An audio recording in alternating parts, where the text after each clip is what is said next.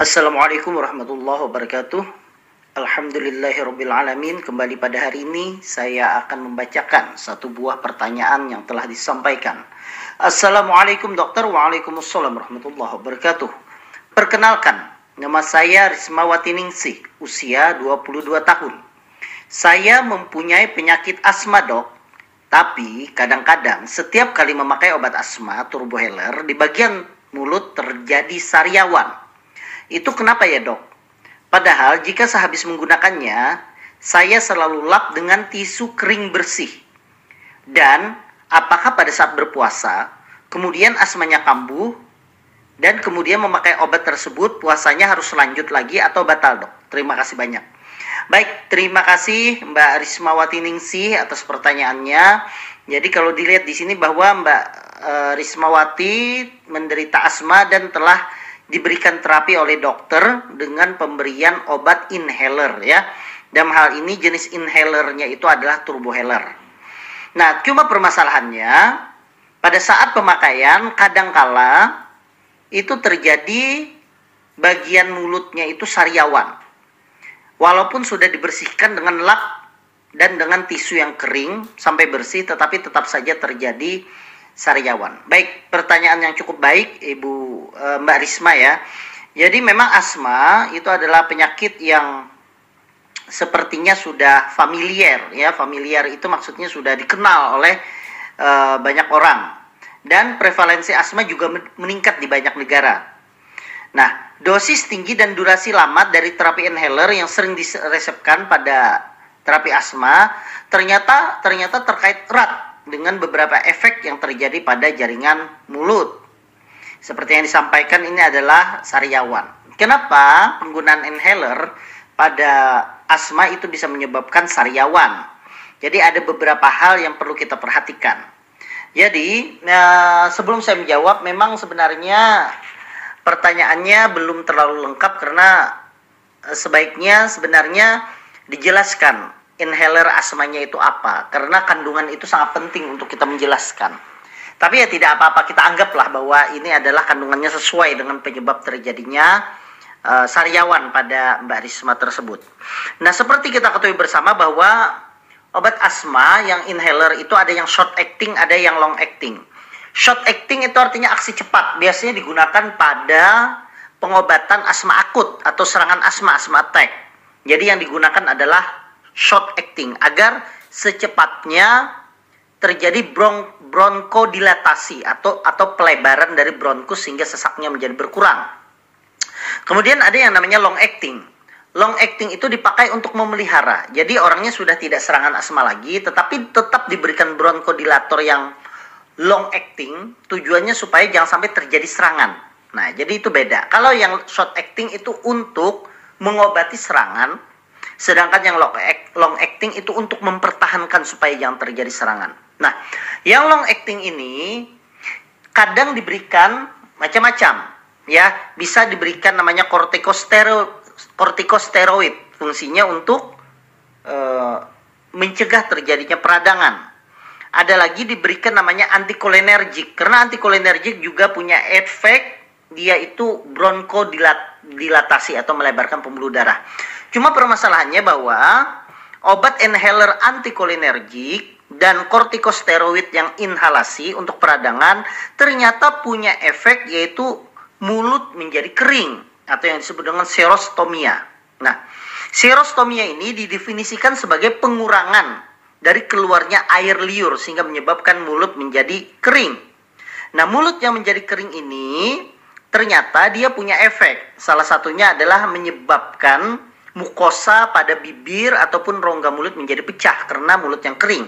Apa yang terjadi kalau mukosanya menjadi pecah? Yang terjadi adalah sariawan. Itu yang pertama. Kemudian yang kedua, kita ketahui bersama bahwa ternyata penggunaan inhaler yang mengandung kortikosteroid dalam jangka waktu yang lama ya e, artinya rutin digunakan dan dalam jangka waktu yang lama berdasarkan penelitian dia bisa menyebabkan munculnya jamur pada rongga mulut ataupun bahkan sampai rongga tenggorokan. Dia disebut dengan kandidiasis orofaringeal. itu adalah efek samping yang potensial terjadi pada penggunaan corticosteroid inhaler. Kemudian selain itu, uh, walau dia tidak muncul jamur, kadang dia sudah mulai adanya perubahan pada mukosa mulut. Yang paling umum dilihat adanya lesi keputihan di mulut tersebut. Kita menyebutnya dengan lesi pseudomembran.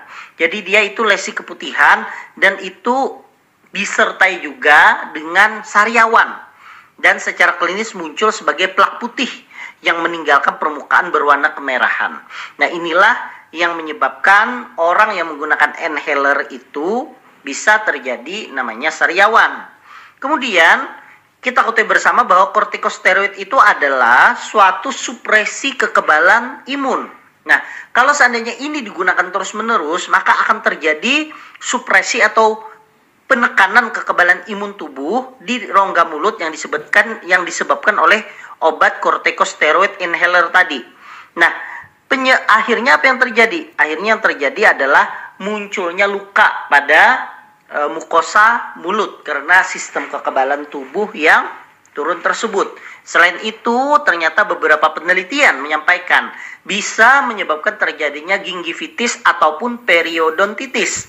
Gingif, gingivitis itu, itu disebut dengan infeksi gusi pada penggunaan kortikosteroid yang lama. Selain itu, uh, kalau tadi terjadinya serostomia atau mulut yang kering, itu menyebabkan terjadinya periodontitis karena diketahui bersama ternyata air liur itu memainkan peran penting dalam membatasi penyakit dari periodontal. Sehingga setiap obat yang mempengaruhi sekresi air liur itu sangat mempengaruhi keparahan terjadinya penyakit pada periodontal yang disebut dengan periodontitis. Nah, inilah yang menyebabkan salah satu alasan kenapa penggunaan ya inhaler kalau kita tidak uh, tidak tidak hati-hati itu bisa menyebabkan sariawan. Jadi bagaimana cara pencegahannya? Yang pasti adalah penggunaan inhaler itu pada uh, pada pada penderita asma, khususnya asma yang persisten, baik itu sedang ataupun berat, tentunya dia harus menggunakan inhaler terus-menerus yang long acting. Tentunya tidak bisa kita hindari jadi bagaimana caranya supaya tidak sampai terjadi sariawan tersebut? Bukan dibersihkan dengan menggunakan tisu sebenarnya. Jadi setelah dilakukan inhaler tersebut, kemudian beberapa menit, mungkin 10 sampai 15 menit kemudian dis, dipersilahkan untuk kumur-kumur supaya menghilangkan zat sisa yang yang tersisa di rongga mulut yang tidak terpakai yang justru yang tidak terpakai itu justru membahayakan mukosa dari rongga mulut tersebut. Sehingga bukan dibersihkan dengan tisu, tapi saran saya setelah 10 atau 15 menit setelah penggunaan dari inhaler tersebut, maka Mbak Risma sebaiknya kumur-kumur dengan menggunakan air, ya. Uh, sebaiknya ya air hangat untuk menghindari terjadi untuk menghindari kemungkinan terjadinya infeksi. Kemudian kalau pertanyaan kedua, apakah pada saat berpuasa kemudian asma dan kambuh dan memakai obat tersebut apakah puasanya menjadi batal atau bisa dilanjutkan? Ini semua menurut saya sepakat sudah ulama ya. Dalam keadaan seperti ini obat inhaler tidak menyebabkan seseorang menjadi batal puasa. Ya karena obatnya ini tidak masuk ke dalam saluran cerna tetapi obat ini masuk ke dalam saluran pernafasan di mana tidak masuk terhadap kriteria membatalkan puasa. Jadi jangan khawatir Mbak Rismawati silahkan dipakai. Apalagi kalau seandainya tidak dipakai justru akan menambah mudarat, beribadah menjadi tidak lancar, tidak baik, justru uh, sebenarnya justru harus dipakai agar memudahkan kita dan beraktivitas sehari-hari. Saya doakan semoga Mbak Risma selalu diberikan kesehatan oleh Allah Subhanahu wa taala. Saya doakan juga semoga suatu saat nanti asmanya sembuh sehingga tidak perlu lagi menggunakan inhaler dan saya doakan kepada seluruh pendengar yang ada di sini, seluruh jemaah yang mendengarkan Radio Al Jihad ini di podcast kali ini, saya doakan semoga kita dalam keadaan sehat walafiat dan diberikan keberkahan dalam umur oleh Allah Subhanahu wa taala. Wassalamualaikum warahmatullahi wabarakatuh.